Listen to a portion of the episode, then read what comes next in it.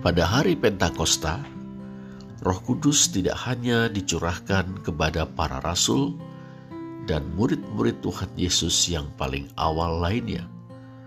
Roh Kudus juga dikaruniakan kepada setiap orang yang bertobat dan dibaptiskan dalam nama Tuhan Yesus Kristus.